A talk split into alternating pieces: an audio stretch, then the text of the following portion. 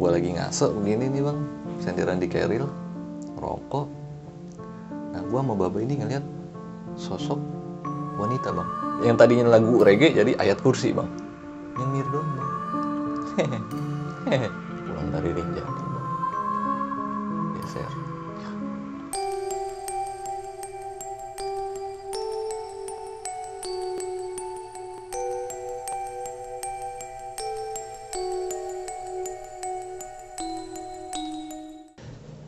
Assalamualaikum warahmatullahi wabarakatuh. Balik lagi masih bareng gua Indra.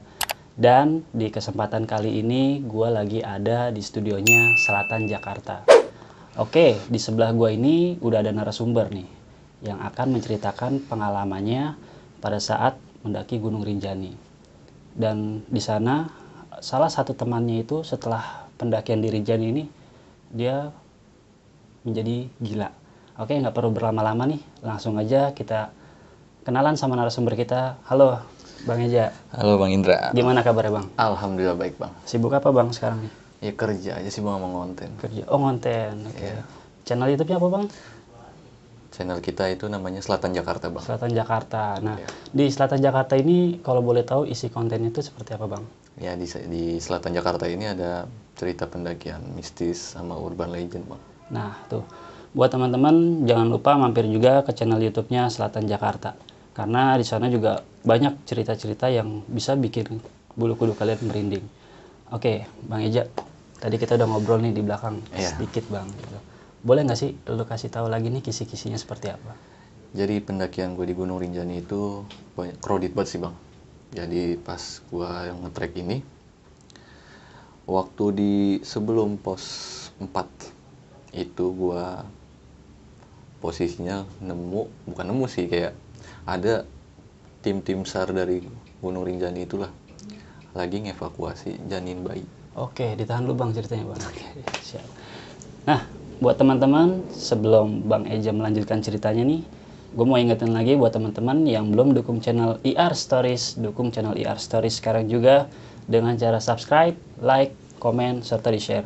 Dan gue mau ucapin buat teman-teman yang udah dukung channel IR Stories sampai dengan saat ini, semoga kalian diberikan kesehatan, dilancarkan segala urusannya, serta dimudahkan rezekinya. Oke, nggak perlu berlama-lama nih, langsung aja kita dengerin Bang Eja bercerita.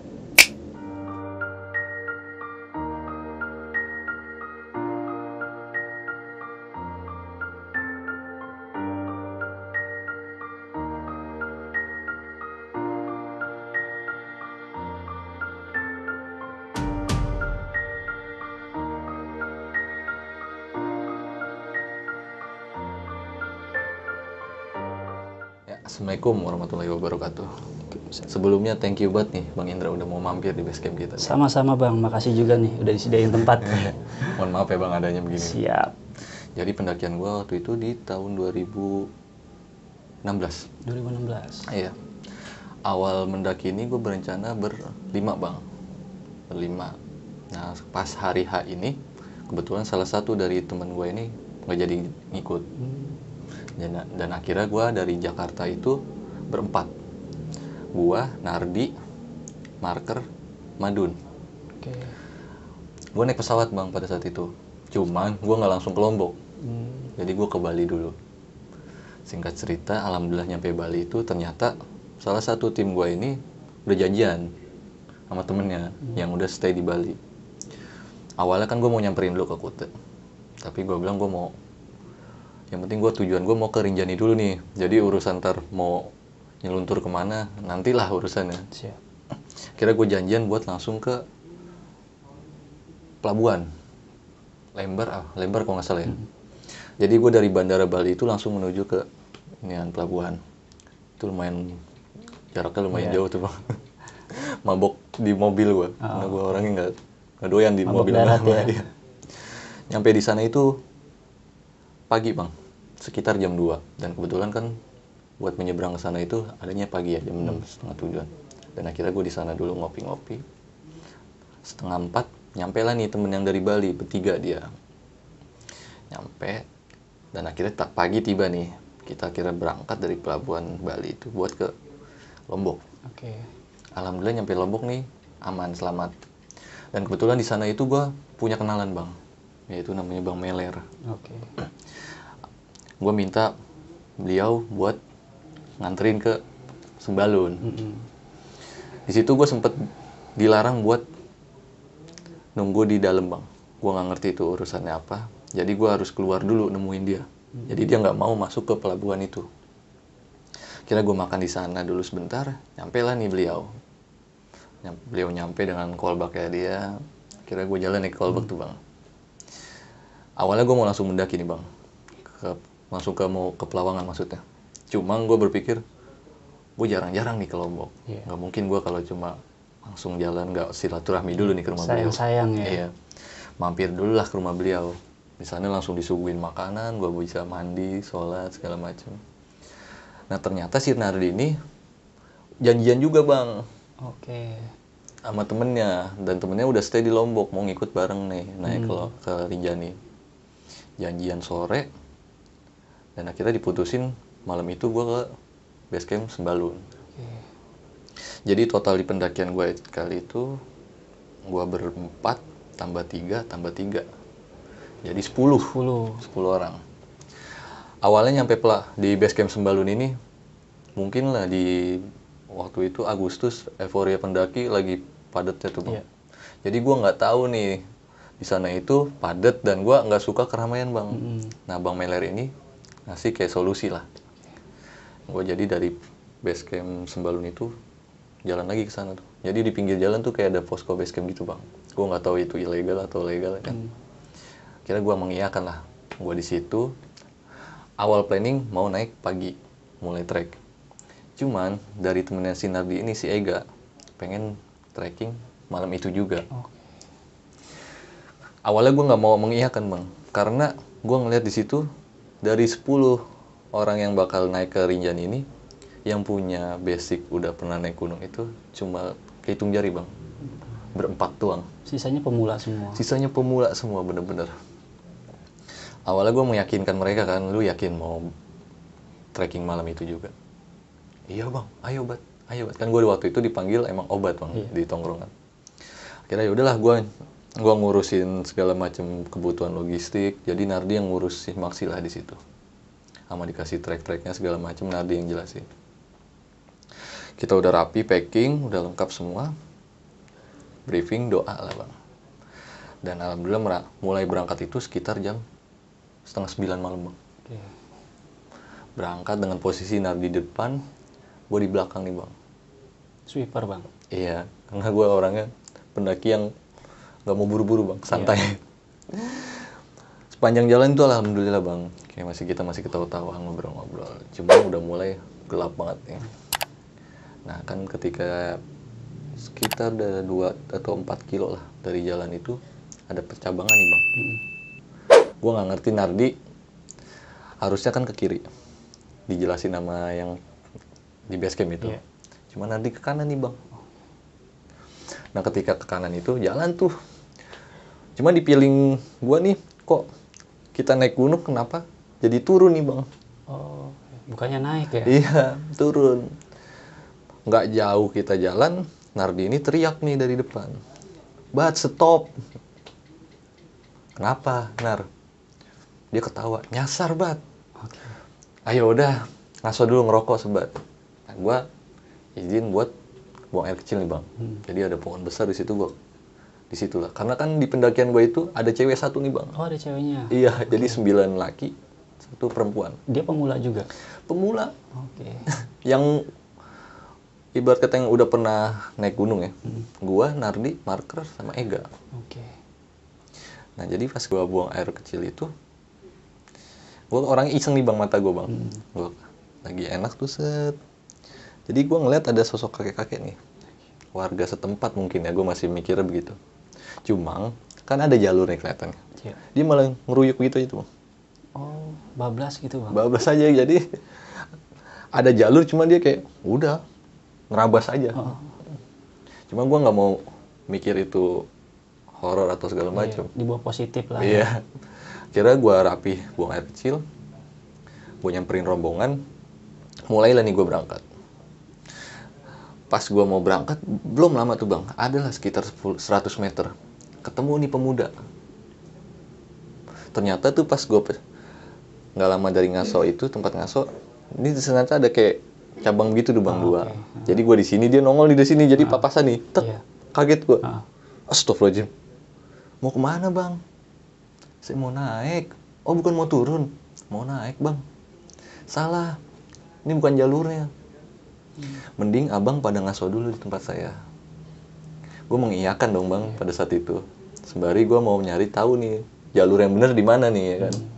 Kira ngikutlah tuh dia gue ternyata pas nggak jauh dari situ tuh udah pas keluar lewatin hutan itu jalanan gede bang. Jalan raya. Jadi rumahnya beliau itu pas banget keluar jalan raya hadapannya gitu bang. Di situ gue sempat disuguhin kopi kopi kopi sembalun. Enak banget bang. Nah ibu-ibu ini ibu-ibu yang pemuda ini keluar lah ngobrol-ngobrol nanya dari mana segala macam. Nah kira nggak lama rapi kopi gue mau berangkat lah bang. Mulai lagi pendakian. Nah ibu ini cuma berpesan hati-hati jangan berkata-kata yang nggak sopan dijagalah adabnya.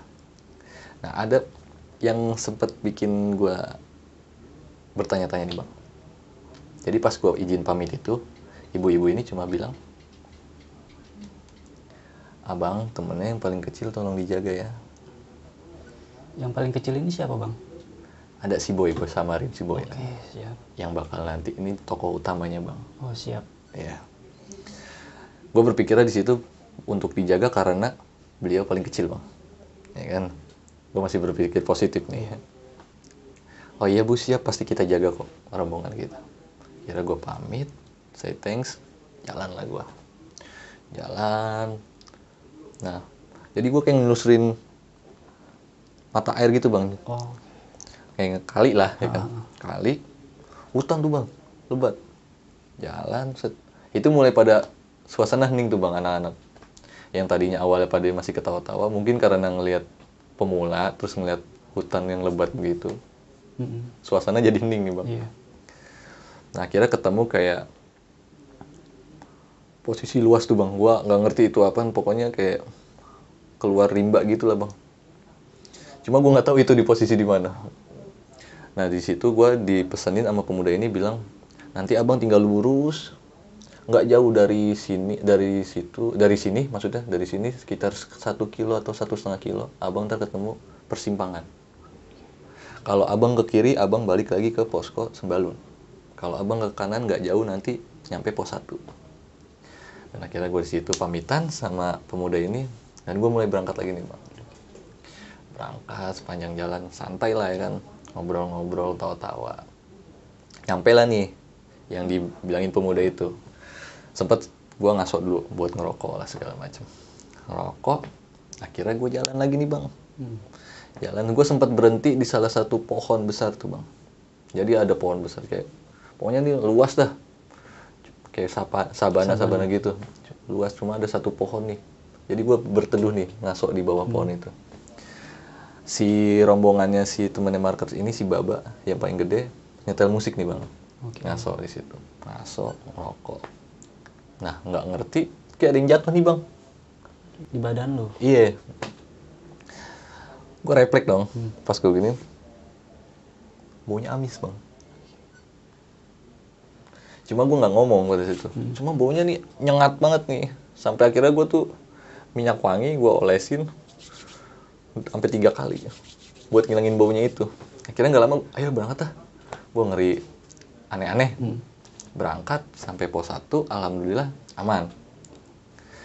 Cuma gue ngeliat fisik rombongan gue nih bang, karena di saat itu itu udah mulai jam sebelasan. Cuaca dingin dan pemula, nah ngeliat fisiknya perempuan ini udah mulai lemah lah. Iya. Gue bilang jangan break di pos 1, kalau bisa di pos 2. Di zaman gue mau di, di waktu 2016 itu ada kayak apa sih, eh, kayak tempat berteduh, cuma kayak dari bawah Saung. saung gitu. Nyampe di pos 2 lah tuh di saung itu gua niatnya di tenda bikin tenda di sana dan akhirnya bikin tenda lah gelar di situ. Masak buat makan sebelum tidur, yang ngopi-ngopi ya kan. Masakan jadi, makan sebagian tidur nih bang Hmm. jadi yang di luar itu ngopi gua Nardi marker sama Baba kita nyetel lagu tuh Hmm. dengerin lagu reggae nah nggak tahu nih kenapa pas lagi suara lagu ini kenceng si marker ini tiba-tiba ketawa Ketawa. Iya. Lu kalau berani nongolin. Jadi yang didengar beliau ini si marker kuntilanak ketawa, Pak. Gue cuma mikir, anjir, lu ngapain nantangin Hmm. setan? Ya kan, kalau orang masih bisa kita lawan. Hmm. Setan kita mau pukul gimana ya? Kata begitu, betul. Bang. Ya udahlah, gua hirauin tuh, gua nggak mau mikir sugesti buruk lah. Kira gua ngerokok, dia masuk nih bang, abis abis ngetawain itu, masuk ke tenda. Ah. Jadi gue tinggal sisa gua sama baba nih. Gua lagi ngaso begini nih bang, senderan di keril, ngerokok. Nah gua sama baba ini ngeliat sosok wanita bang. Awalnya gue pikirin pendaki ya, karena dari jauh kejauhan nih. Wah lama-lama ngedeket nih, gue mau sapa dong ya kan. Iya. Lah ternyata pas dia udah mau mendekat ini, kagak napak bang. Anjir. Jadi posisinya kalau gue gambarin itu rambutnya berantakan. Hmm. Cuma matanya tuh kayak mau keluar satu. Itu tapi pakaiannya apa bang? Pakaiannya pakaian kayak pendaki. Akhirnya gue kayak ngode ini, ngodein baba. Masuk, masuk, masuk. Akhirnya nggak lama, kopi gue tinggal, ngerokok masih nyala gue tinggal bang. Gue tidur selimutan pakai SB kan, berduaan tuh. Lu bisa tidur nggak, Bat? Lu bisa tidur nggak? Udah paksain tidur, paksain tidur. Akhirnya yang tadinya lagu reggae jadi ayat kursi bang. Setel sama baba ayat kursi dikencengin. Siap. Dan akhirnya alhamdulillah tuh pules nih bang bisa ya kan. Siap. Singkat cerita pagi ya, pagi tiba jam 9 tuh gue bangun sarapan. Gue packing, alhamdulillah cuaca cerah nih mendukung. Berangkat lah tuh gue jam setengah 10. Berangkat sekitar 2-3 kilo dari tempat pertama gue lagi nih. Toto hujan bang. Akhirnya gue buka jas hujan gue kan rame-rame. Dan selang beberapa menit panas lagi bang. Kira gue bete udahlah kalau hujan hujan lagi aja udah mandi hujan gue bilang gitu kan. Berangkat tuh. Nyampe di pos 3 alhamdulillah. Sempet kayak pada ngedumel nih bang. Mungkin karena pen- mereka pemula kan. Jadi euf- euforia di sana itu waktu itu rame pendaki lokal sama interlokal. Iya. Jadi pas sepanjang pos 3 itu gua pas lewat bule-bule pada duduk makan buah, makan burger. Jadi kayak anjir tuh gitu kita nyewa porter aja nih biar nggak nyiksa badan sendiri. Udah nikmatin aja. Gue sempet ngaso tuh di se- di sebelah sana deket kayak ada orang jualan kopi. Di situ gue sempet ketemu teman sekolah gue bang. Ngobrol dan seba sebagian si marker ini gue suruh ngambil air.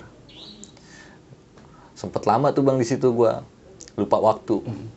Sampai sekitar jam 3an dan akhirnya gua pamitan buat naik. Dia kan mau turun. Berangkat lah tuh gue jam 3 nah pak mau menuju pos 4 ini ada rombongan kayak entah porter Rinjani atau tim sar ya. Jadi gue kayak disapa gitu bang. Abang ketua rombongannya siapa? Saya. Berapa orang? 10 sama saya. Oke nanti kalau ngeliat kerumunan pakaian yang kayak saya lewatin aja. Kenapa emang bang? Udah pokoknya lewatin aja dijaga pasukannya karena kita lagi ngevakuasi janin bayi awalnya gue nggak percaya bang. Masa iya sih ada orang setega itu buang janin bayi? Iya. Nardi penasaran nih nyamperin gua. Ada apaan bat? Udah nggak apa-apa jalan aja. Karena dia tipikalnya orang penasaran dan kebetulan kan emang gua tektokannya dia nih bang. Mm. dan akhirnya gua menceritakan lah di situ. Ntar kalau ngeliat kerumunan bablasin aja nyet. Kenapa emang? Ada yang buang janin bayi. Wah langsung panik dia dia langsung berpikir apa bang? Gua nggak mau kejadian kayak di Cireme. Karena waktu di Cireme gue ngalamin mistis lah sama dia. Dan akhirnya gue bilang cairkan suasana lah bang ya. Udah tenang niat kita baik. Nggak mungkin masa iya kita niat baik dapat teror. Iya. kita jalan tuh. Nah nggak jauh dari kita ke abis ketemu sama porter itu nemuin lah posisi itu bang. Jadi ketika kita sampai tuh apa yang dibilangin porter itu kita emang disuruh langsung jalan bang jalan aja jalan ngasonya nanti deh di pos 4 oke gua ngeliat tuh bang kayak ada polis lain Hmm. gua ngelingik ngelongok aja tuh jangan lihat-lihat bang jalan aja mungkin di gua nggak ngerti dah pada saat itu Nggak mau ke expose mungkin Iya. ya. Kita jalan tuh, lewatin. Nardi udah ngodein gue bang. Itu. Mungkin, gue bilang. Kira nyampe di pos 4. Gue sempet balik lagi tuh bang, ngopi di sana. Karena kebetulan kan udah mau mulai maghrib. Nardi ngambil air nih. Dan ternyata versinya Nardi nih ya bang. Ketika dia ngambil air, dia ngedenger suara tangisan bayi. itu pas dia habis ngambil air ngomong sama gue bisikin gue gue habis ngerasain kayak gini gue sempet anjrit lu jangan bikin mental gue down gue bilang ya kan jangan sampai nih kedenger ke kuping rombongan kita nih Iya. ya udahlah gue bilang ini udah mau maghrib kita mau bikin tenda di sini atau kita mau bablas sampai pelawangan sembalun akhirnya dirembukin oke pelawangan sembalun nah gitu kita mulai mau ngetrek tuh ngelewatin tujuh bukit penyesalan bang Hmm. Ya kan? Awalnya kan gue nggak tahu nih tujuh bukit penyesalan itu seperti apa treknya karena yang gue dapat dari cerita abang gue senior gue ya lumayan treknya Iya. kira kita jalan dan kebetulan apesnya gue ini bawa keril yang kurang 100 liter bang Uh, beratnya bukan main bang. iya dan ke- ketika gue di bandara waktu Jakarta itu kapasitas keril gue 19 kilo itu belum ditambah logistik Iya. Akhirnya gue jalan dah tuh. Gue jalan pengen lama tuh bang. Dari pas bukit satu bukit kedua. Sempet break di bu- bukit ketiga. Cuaca tau berubah bang. Angin. Kabut gerimis. Nah itu pohon yang segede-gede gitu bang. Kayak ngayun gitu bang. Padahal batangnya tuh gede. ya aparnya gede-gede banget gue akuin. Nah ini rombongan gue nih panik semua mukanya berubah semua bang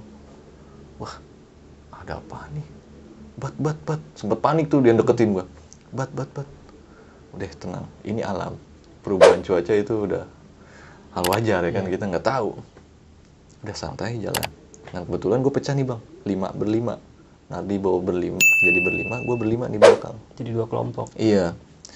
Gue teriak dong, ngasih kode ke Nardi. Nyet. Hmm. Kan karena bahasa gue begitu tuh bang Iya. kalau manggil. Hei, nyet. Santai dulu situ. Nunggu gue nyampe. Iya nyampe. Tenang kau kata dia. Kira gue jalan tuh. Lama tuh bang. Jalan ketemu lah nih di Bukit Keempat. Nah jalan bareng tuh dari Bukit Keempat. Nah menuju Bukit Kelima, gue salah napak nih bang. Karena headlamp gue ini baterainya udah habis. Salah napak, lincir bang. Jadi kayak inian kaki lu tuh kayak krek gitu Iya. tuh. Kayak pelitek ya. Iya. Pelitek gitu ya. Wah, sampai ke otak-otak bang ngilunya. Gue astagfirullahaladzim. Samperin tuh gue sama rombongan gue. Ngapa bat? Ngapa? Udah nggak apa-apa. Jadi gue langsung ganti sendal bang. Pakai sendal gunung. Kayak sepatu gue gue taruh carry lah. Jalan lagi tuh. Nah, nyampe lah nih di bukit ke-6. Kalau nggak salah ya, bukit ke-6. Jadi kayak ada space. Dua tenda lah bisa tuh di situ. Nah, di sini nih perdebatan, Bang. Jadi rombongan yang tujuh orang ini pengen ngaso karena udah nggak kuat fisiknya. Karena juga mungkin mental mereka jatuh nih ketika ngelihat pohon sebesar itu pada ngayun. Nah, si Ega pengen tetap kekeh buat bikin tenda di Pelawangan. Sempet perdebatan tuh Bang gue di situ. Nabi kan karena nggak enak mungkin ya masih Ega. Dia tetap mau kekeh nemenin Ega. Di situ sempat berdebat kayak lu gila lu ya ninggalin teman-teman lu di sini. Udah ada pokoknya kayak lu jangan pakai ego lu kalau buat naik. Sempet kayak mau hampir berantem tuh bang sama dia. Dan akhirnya gue sama-sama ngalah karena gue tahu nih gua, ketika gue bakal berantem malam itu paginya gue harus lupain semuanya. Iya. anggap nggak terjadi apa-apa. Dan akhirnya ya udahlah gue dengan berat hati biarin dia jalan ke Pelawangan. Jadi yang berangkat ke Pelawangan itu Nardi Ega si cewek ini sama temennya. Jadi berempat. Jadi sisa berenam ini Stay di situ ya. stay di situ. Jadi kepecah lagi nih bang. kepecah. Dan kebetulan air di situ tinggal dari satu setengah liter itu tinggal segini nih bang. Buat berenam. Nah ketika lagi ngaso itu kan di dalam tenda itu ada si baba yang gue bilang yang Iya. rombongan dari Bali ini gue di luar sama marker mandun boy nah tiba-tiba di dalam tenda ini jerit nih bang ada suara jeritan Dalam tenda lu. Iya. Aduh. Gue panik dong. Takutnya kenapa-napa. Gue buka serai tenda. Mukanya udah pucet bang. Ngeringkuk kayak begini nih. Gue bangun. Eh, kenapa lu, Mbak? Sakit banget, Bat. Ya Allah, kata dia. Nah, di situ dia baru ngaku, Bang. Jadi, seminggu sebelum dia berangkat nih, dia habis operasi usus buntu. Oke. Jadi jahitannya belum kering. Iya. Wah, gue bingung kan bang ya. Di, sedangkan di P3K gue nih nggak ada obat nyeri buat bekas operasi. Iya. Nah, di situ ada dua butir CTM bang. Akhirnya gue kasih lah si baba ini buat minum. Ya, seenggaknya bukan ngilangin re- ngeredamin ngilunya, tapi dia bisa tidur lah. Iya. Akhirnya diminum nggak lama, tenang nih dia tidur pules. Nah, gue keluar lagi dong. Iya.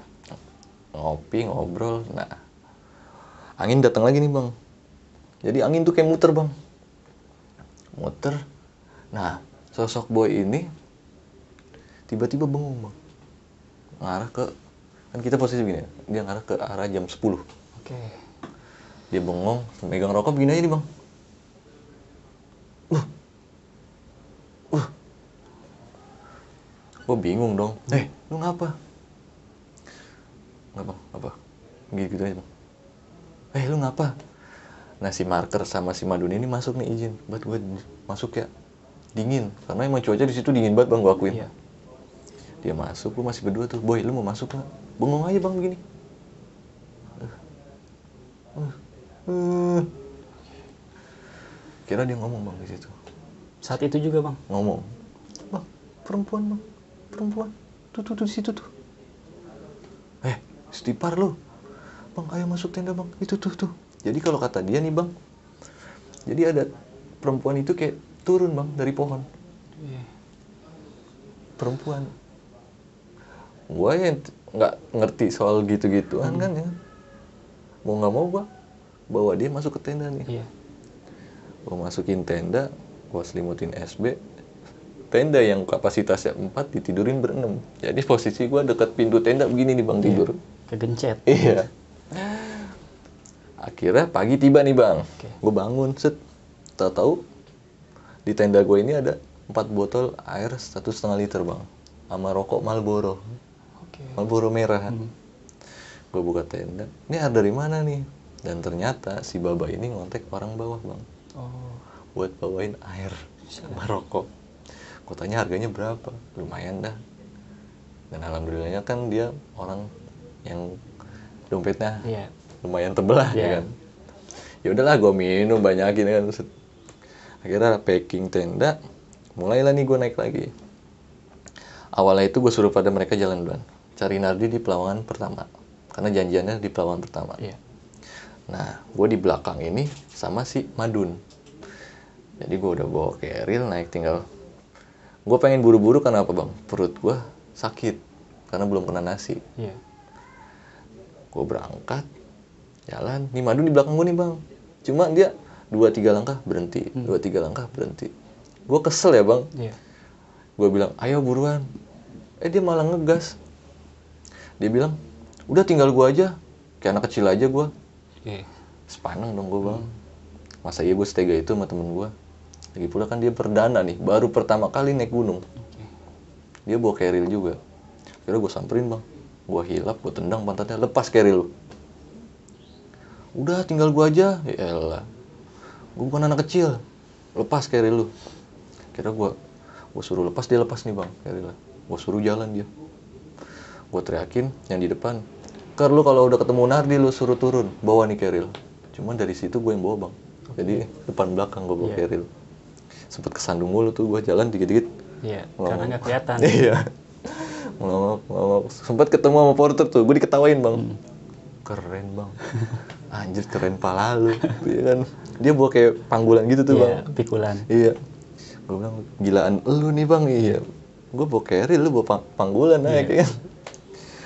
Nah pas mau nyampe pelawan pertama ini, nanti turun nih bang. Kaget dia marah-marah. Tolol banget pada. Obat suruh bawa keril dua. Udah lu jangan banyak bacot, bawa nih keril. Hmm. Kira gue lepas nih bang yang 100 liter. Tuh, Iya. lu pakai. Yaudah gue yang bawa. Dia kayak, "Eh, berat banget ya. Lu rasain deh apa yang gue rasain ya kan. Iya. Kira dibawain tuh, nyampe nih tempat mereka pada bikin tenda. Di situ, gue seneng dong bang. Wah, udah ada makanan nih pasti ya kan. Ternyata dipisahin nih, sisain makanan di dalam tenda.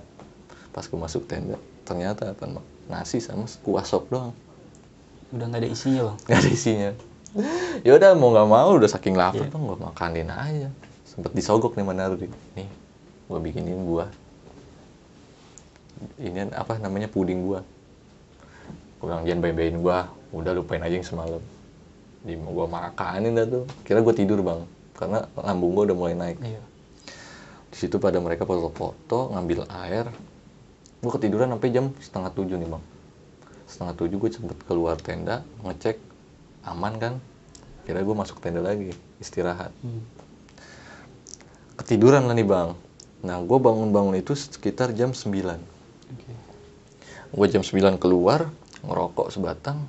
Cuma gue cek tenda ini ada dua orang yang kagak ada nih bang. Si Pajar sama si Boy. Nah kebetulan kan si Pajar sama si Boy ini di tahun 2016 itu masih kalau diibaratin masih SM, SMP lah. SMP. cuma mereka putus sekolah. Oke. panik dong gua ke mana nih bocah dua nggak ada? Nah dia nyelet tuh ngambil air. Lu yakin bocah dua suruh ngambil air? Kan yang gede banyak gua bilang. Dia yang pengen gua nungguin tuh bang.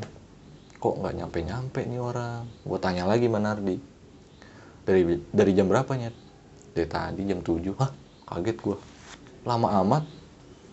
Iya tahu pada foto-foto kali. Orang bawa handphone sih segala macam sama powerbank udah gue tungguin tuh bang. Sampai jam 11 kagak nongol-nongol bang. Akhirnya gue berangkat nih nyari dia. Pas nyampe di pelawan kedua ketemu lah nih dia. Hmm. cuma mukanya rautnya panik. Dua-duanya bang. dua-duanya. Si Pajar langsung bang gue langsung ke tenda ya. Gue mau omelin cuma dia langsung bilang gue mau ke- langsung ke tenda. Mukanya udah panik bang. Ya udahlah nggak masalah. Nah si boy ini mukanya kayak yang pertama gue lihat di Bukit Kenem bang. Kayak orang kesaw- sawan gimana sih? Sambet. Kira udah lu ngapa boy? Gue gandeng. Bang gue pengen ngobrol pengen ngobrol gue ya udah ntar di luar tenda aja. Gue sempet bikinin air anget kan. Nih boy minum. Ini rokok. Ngomong kenapa? Jadi kan gue nggak ngerekomen mereka ngambil air yang di batu gede itu bang di bawah. Gue ngerekomen yang sebelah kanan. Iya. ternyata dia ke bawah bang. Ke batu gede itu. iya. Nah pas di posisi dia ngambil air ya versi dia cerita si Pajar ini nunggu di batu besar itu. Jadi yang masuk ke nyelip ke batu besar itu si boy Oke. Nah, nggak nggak nggak tahu kenapa si boy ini pas lewatin batu itu dia bilang gua langsung berhadapan sama cahaya putih. Itu cahaya putih atau ngeblank putih semua bang? Pokoknya cahaya putih ngeblank semua putih kalau kata dia. Nah, di situ dia ngelihat sosok keras gede-gede banget, Bang. Begini nih. Mantau dia. Dikelilingin tuh. Dia lari sepanjang jalan itu kerak putih. Dia panik sejadi-jadinya cuma posisi dia jalan ke mana aja kayak nggak ada titik temu bang kayak mentok mentok mentok mentok mentok Iya. dan akhirnya dia ketemu kakek kakek bang kakek kakek itu cuma kayak ngasih sesuatu kayak kayak tongkat. Sebenarnya bukan tongkat sih bang. Kayak akar pohon cuma karena tebel aja dia akarnya. Dikasih ke boy buat penunjuk jalan. Pokoknya kamu jalan aja. Cuma dia bilang nih pakai buat jalan pulang. Jadi tuh sepanjang jalan itu dia ngeliat kera-kera putih kayak ngancem dia gimana sih kayak begitu aja tuh nantangin dia. Cuma dia udah kayak orang dia bilang gua sampai nangis bang segala macem tuh dia jalan jalan terus nggak ketemu arahnya cuma menurut dia itu versinya lama banget bang sekitar sampai 12 jam lah kalau kata dia orang sampai dia sampai di tempat tenda kita ini udah ngos-ngosan banget udah kayak nggak ada tenaganya Iya. Kayaknya udah jauh banget gitu ya. dia. Iya. Tapi yang gue bingungin ini dia tiba-tiba itu bisa keluar karena akar itu bang. Yang dia bilang ya, akar itu. Pas posisi dia keluar jalan lari itu megangin akar. Nah akar ini dia buat gusain kayak kerak putih itu. Oke. Iya. Nah tau-tau tuh cahaya itu lama-lama mudar bang. Pas mudar itu ternyata pas banget di ketemu di batu besar itu. Jadi pas dia ke ngelewatin batu itu, nah ternyata si Pajar ini mukanya udah panik bang. Panik satu mikirin si boy, kedua dia dengar suara kuntilanak. Oh, Oke. Berarti yang nungguin diganggu juga. Diganggu juga, akhirnya dia lari tuh sejadi-jadinya. Air ditinggal, di jalan. Oke. Nah itu dia cerita di situ. Setengah 12 tuh bang. Baru ketemu gue sama dia dari jam 7. Cuma kalau kata dia gue udah lama banget bang. Gue sampai pasrah. Biarin dah gue mati. Kalau emang gue mau mati di sini. Kira gue suruh tidur nih bang setengah 12 karena gue mau summit itu planningnya jam 2 karena gue ngeliat tipikal pendakian gue nih pada jalannya pada santai banget. Kira gue suruh tidur setengah 12 gue bikin air-air hangat lah buat trekking summit. Iya. jam 2 gue bangunin lah mereka. Woi bangun bangun bangun bangun bangun. Pada kayak nggak seneng gitu bang. Anjrit baru buat tidur. Ah besok aja besok. Mau summit nggak? Jam berapa sih? Jam 2 udah ntar aja. Gue bangunin tuh kakinya gue tarik tarikin Iya. Nah dari 10 rombongan ini dua nggak nggak ngikut bang. Oke. nggak ngikut summit satu si baba itu mungkin takut nyusahin Mm-mm. karena bekas operasinya. Nah satu ini perempuan ini bang. Nah jadi di jam 2 itu dia datang bulan. Oh, pas banget ya. hari pertama. Kira ya udahlah gue jalan ber berlapan. Nah gantian nih gue yang depan Nardi di belakang. Jalan tuh muncak. Oh ternyata puncak trekking buat ke summit Rinjani ini lumayan Iya. gue sempet ngaso di salah satu batu tuh bang. Jadi kayak posisinya kayak gue bisa ngeliat view sebelah kanan itu baru jari. Nah gue sempet ketiduran bang di situ. Gue boy marker. Nah aneh lagi nih bang si boy. Jadi ketika gue tidur ini dia ngelihat so- baru jari ini. Kan biasanya baru jari selalu kayak ketutup awan ya bang ya? Hmm. Itu aneh. Nah dia bangunin gue bang. Bang obat bang obat? Bangun bangun. Kaget dong gue repet wah apa boy? Bang bang itu apaan bang? Itu baru jari gue bilang. Kenapa? Tuh bang gue tadi ngeliat baru jari bang. Kenapa? Jadi kalau dia ini ngeliatnya gambarannya baru jari itu mau meletus bang. Oh. kayak keluar Lava gitu iya, ya. kayak mau erupsi gitu. Bang udah ah, lu halu lu gue bilang boy jangan bikin yang lain panik. Udah urusan yang semalam. Lupain aja dulu. Nanti kita ngobrol lagi di bawah. Karena gue kan takutnya sugesti dia ke bawah nih bang. Iya, betul. kira udah ayo kita jalan aja boy. Gue gandeng tuh bang naik puncak. Alhamdulillah nyampe puncak itu sekitar jam 10 bang. Oke. lumayan lama tuh dari jam 2 sampai jam 10 Iya. di sana gue ketemu pendaki Malaysia sempet foto-foto. Gue sempet nungguin Nardi dulu tuh karena Nardi nungguin si Madun ini lama. Oh. Nardi nyampe puncak itu setengah 12 foto-foto sebentar lanjut kita turun nih bang di perjalanan turun pada ketawa-tawa lah tuh kayak jalan mulai pada kayak lari-lari kecil Iya. nyampe di pelawangan tempat kita camping itu sekitar jam 2 awalnya kan kita mau turun lewat Senaru awalnya nih Hmm. cuma karena gua ngelihat logistik udah habis dan juga si boy ngalamin teror Iya. Dan si cewek ini datang bulan akhirnya gua ngalihin pembicaraan nih bang. Dengan alasan kita turun lewat Sembalun lagi karena jalur ke, ke Senaru ini longsor. Gua bombongin bang. Iya. sempat kecewa mereka. Berarti kita nggak ke Danau Segerana kan? Iya. udah nggak usah. Next time kalau ada rezeki ada waktu ada uang ada kesehatan kita berangkat lagi. Dengan berat hati mereka ya udahlah iya ayo balik packing setengah empat gue mulai turun bang. Di perjalanan turun alhamdulillah tuh aman. Si boy juga udah nggak sugesti lagi si perempuan ini juga ya masih bisa bawa lah fisiknya dia. Si baba juga aman. Sampai kita di pos 3 sempat ngaso di situ sebentar karena maghrib bang. Iya. maghrib kita nunggu azan rapi lah komat segala macem. Ngerokok ngopi jalan lagi nih. Jalan ternyata baru kalau pos 3 itu kan kayak ada kayak kayak jembatan gitu ya bang? Nah itu pas baru pas sampai turun jembatan itu babat teriak bang. Operasinya kambuh lagi. Kumat lagi. kumat lagi. Wah panik gua bang. Gimana nih masa ya gue gendong? Iya. sedangkan badannya berat banget nih bang. Nah tau-tau ada bapak-bapak nih. Kenapa bang temennya? Perutnya sakit. Gue bilang gitu kan oh coba aja ngontek orang bawah. Nyewa ojek gunung. Wah gue mikir oh iya ya pas gue ngetrek tadi pagi kan ada yang naik ojek nih. Hmm. gue bilang sama bapak itu kan pak minta tolong boleh nggak ngubungin orang base camp? Akhirnya dihubungin sama dia. Dihubungin dikasihlah ke gue nih bang ngomong langsung aja. Gue langsung kasih ke baba dong ya kan? Iya. nih bang ngomong sendiri lu nego sendiri. Awalnya dia mesen dua nih bang ojek gunungnya ternyata tahu-tahu datang empat nih bang Oke. ternyata dipesenin buat gua Hmm. mungkin karena baba ngeliatnya gue yang ngerawat dia Iya. dia pengen gue turun naik gojek juga eh ojek juga dan ternyata di situ yang turun si boy baba oh, oh, perempuan ini Iya. sama si Ega bang Oh. jadi ternyata si Ega ini mau turun duluan Iya. padahal dia yang kekeh nih gue dengan berat hati ya udahlah nggak apa-apa terserah lu gak. Kalau lu mau turun. Hmm.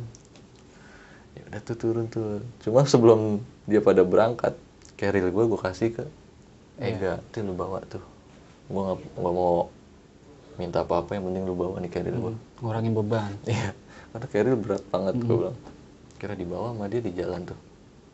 Sisa berenam nih bang. Iya. jalan santai itu masih ketawa-tawa. Hmm. karena gue mikirnya boy aman baba aman cewek ini aman. Iya. jalan sampai pos 2 alhamdulillah nggak ada apa-apa. Nah ketemu lah nih gua sama percabangan yang awal tadi itu bang. Gua kan mikirnya gua mau turun langsung ke pos sembalunnya si maksinya. Cuma kan KTP-nya Nardi itu di- ditahan di sana. Iya. akhirnya mau nggak mau gue melimpir ke tempat pertama gua singgah nah gua lupa di situ bang jalurnya. Oke. jalan sempet aja kayak ada perdebatan kanan kiri kanan kiri. Kanan deh kiri deh sampai gue bilang cap cip cup cap cip cup cap cip cup. Kata Nadi udah kanan bat kanan. Jalan nelusurin hutan-hutan bang. Gue bilang kok nggak nyampe nyampe perasaan nggak jauh ya kan. Pas jalan itu Nadi sempat berhenti bang. Nyasar lagi bat. Tawa dia. Anjrit kaki gue udah mulai ngebet lagi nih bang. Yang ankle gue itu salah mulu sih nar. Gue bilang lu gimana sih jalan? Maklum capek. Iya sih gue nggak bisa masalahin itu kan. Akhirnya sempet kayak berhenti dulu. Udah ngerokok dulu udah ngerokok. Ngerokok santai. Itu kayak tiba-tiba kayak ada yang lewat bang Apaan tuh bang? nggak tahu. Cuma posisi entah itu cahaya putih bang. Wah langsung pada bangun bang. Bak, lari jalan. Jalan pada kenceng-kencengan tuh bang. Semuanya ngeliat berarti? ya itu pokoknya pas pa- lagi pada santai ngerokok ketawa-tawa pus. Kayak flash gitu. Pus. bangun semua bang. Ayo jalan jalan. Cuma jalan kayaknya berat banget nih bang. Hmm. kita langkah kayaknya mau cepet banget nih, cuma Iya. berat banget. Jalan tuh. Nah jatuh tuh gue bang situ kaki gue kira gue dibuatin kayak satu pakai apa namanya Pakai ranting, satu pakai ranting satu pakai ini trekking pole. trekking pole gitu kan kayak orang pincang jadinya gue bang. Ini jalan pada cepet banget nih bang. Sampai gue bilang gue ancam. Lu jalan pelanan nggak? Kalau kagak gue tibuk batu nih. Nah, itu sepanjang jalan udah suara "Wuh, wuk, wuk." anjing hutan bang. Iya. cuma karena gue mungkin udah ke bawah sugesti Iya. mistis ya dari si boy ini sama segala macem. Panik gue bang. Bulu kuduk gue naik semua nah di situ jadi kayak turun begini nih bang. Di situ diketawain bang. Gua makin jadi jalan pada cepet-cepetan. Gua sampai di rendeng bang. Ayo buat jalan. Udah gitu gua kayak orang pincang udah. Ayo buruan buruan. Lari tuh gua bang. Jalannya cepet banget. Udah panik semua berarti ya. panik semua mukanya udah pada berubah dah. Yang tadinya pada ketawa-tawa berubah semua dan akhirnya alhamdulillah sekitar setengah jam atau sejam dari perjalanan itu tadi nyasar ketemu gua bang jalur yang tadi. Ketemu perpecahan simpangan lagi yang tadi tuh yang awal ke kanan nyasar Iya. wah nih ketemu nih titiknya nih. Kira ke kanan dah tuh gua. Kalau lurus balik lagi ke rumah pemuda Iya, ya. betul. gua ke kanan nggak jauh dari situ kelihatan tuh bang. Wah jalanan nih alhamdulillah. Jalan nyampe. Dirangkul gua bang sama baba wah alhamdulillah lu nyampe. Gua kepikiran sama lu. Dan di situ ternyata baba udah manggil kang urut bang. Oke. manggil kang urut gua ngurut lah di situ. Dan alhamdulillahnya pagi tiba gue sempet ke explore lombok lah. Nah nggak tahu selang beberapa lama itu ternyata yang di boy lihat ini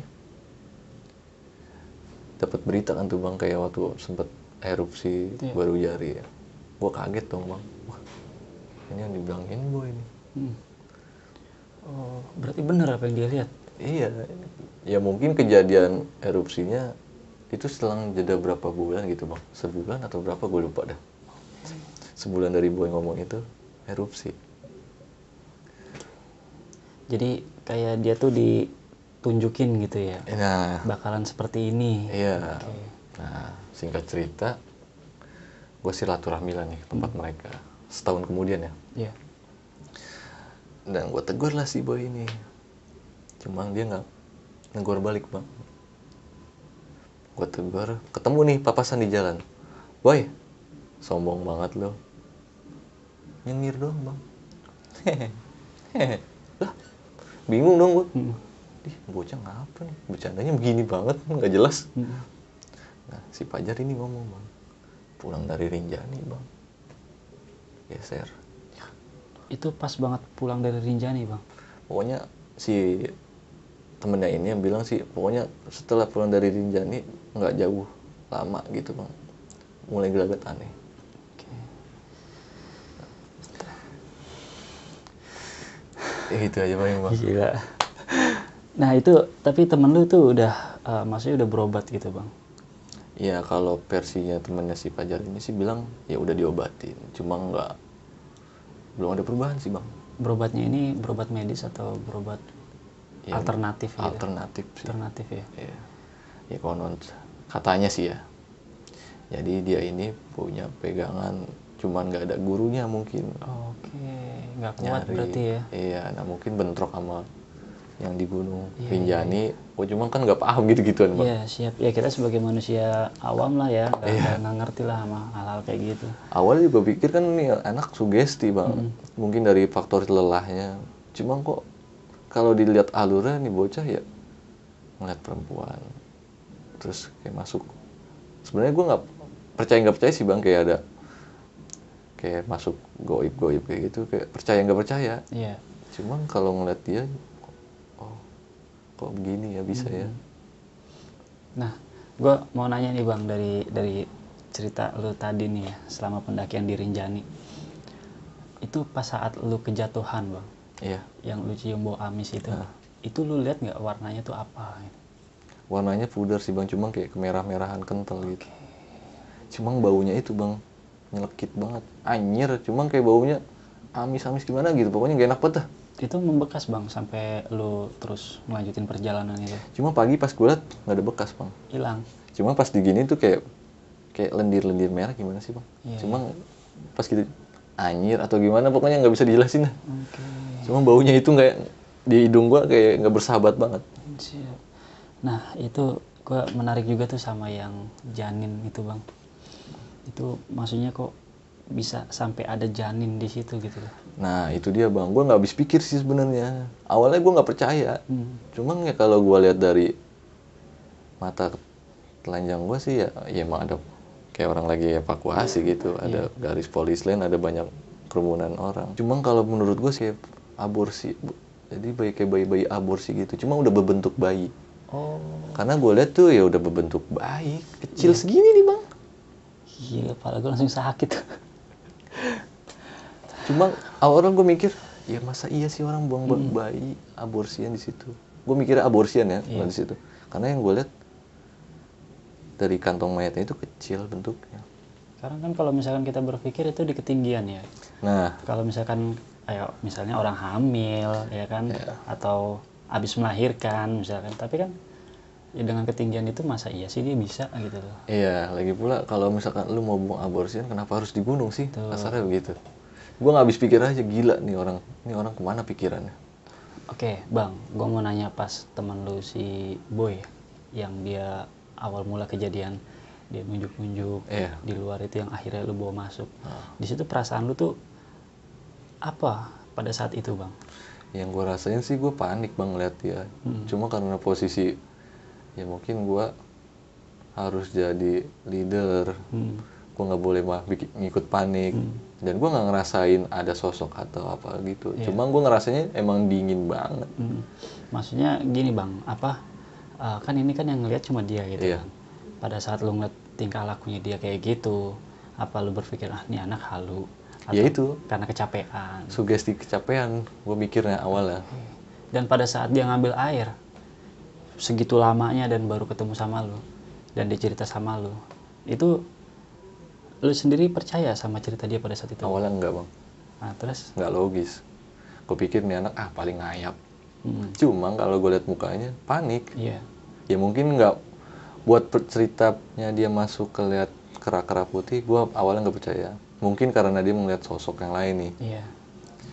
Jadi gue pikir ah ngeliat sosok yang lain nih. Cuman dari abis ngeliat dia masuk katanya ke tempat-tempat kera gitu gelagat-gelagat anehnya itu buat gue sedikit lama-lama yakin bang ini anak kayaknya bener-bener ngalamin teror nih. Iya. Karena dia bener itu pertama kalinya dia naik gunung. Dan di situ yang ngalamin juga bukan cuma dia doang ya tapi temannya yang nungguin juga. Iya, temennya yang itu bilangnya pas paginya, pas paginya. Pas mau summit. oh dia baru berani sampein. Iya. dan yang gua nggak habis pikir itu di saat pas lu memuncak lu temen lu itu ngelihat eh, seperti erupsi gitu kan Iya. yang lu bilang ah lu mungkin halu gitu tapi ternyata benar Kejadian. gitu kan jadi temen lu ini kayak kalau gue bilang kayak pas setelah dia ngalamin hal kayak gitu dia jadi kayak apa ya kayak digambarin gitu loh ini bakalan seperti ini Oh, kayak sensitif gitu kali bang. iya bisa Cuma gue emang kaget ih. Setahu gue tuh gue dari pagi, maksudnya sampai gue bangun itu, ya baru jari itu ketutup awan mulu bang. Mm-mm. Masa iya bisa ngelihat sih lo ya kan kasarnya begitu. karena yang lain aja pada nggak ngeliat gitu kan Iya. oke Sempet biasa percaya nggak percaya sih omongannya dia. Cuma ketika pas dia tuh, gue ketemu setahun kemudian dijelasin, oh dampaknya mungkin ini. Iya, jadi jawabannya itu setelah kembali ya, Iya. setelah turun dari gunung dan ada beberapa hal yang memang uh, berdampak kepada temen lu sendiri ya pada saat itu ya bang. Iya. Itu. Oke, teman-teman, uh, gokil sih ceritanya. Kalian bisa menyimpulkan sendiri, diambil sisi positifnya dan dibuang jauh-jauh sisi negatifnya dan jadikanlah cerita ini pembelajaran, bukan untuk menakut-nakuti kalian. Oke, Bang Eja, makasih banyak nih Bang. Sama-sama bang. Udah dikasih kesempatan mampir ke sini. Nah, iya dong, harus silaturahmi. Ntar lain waktu kita yang main tempat Oke, siap Bang Eja.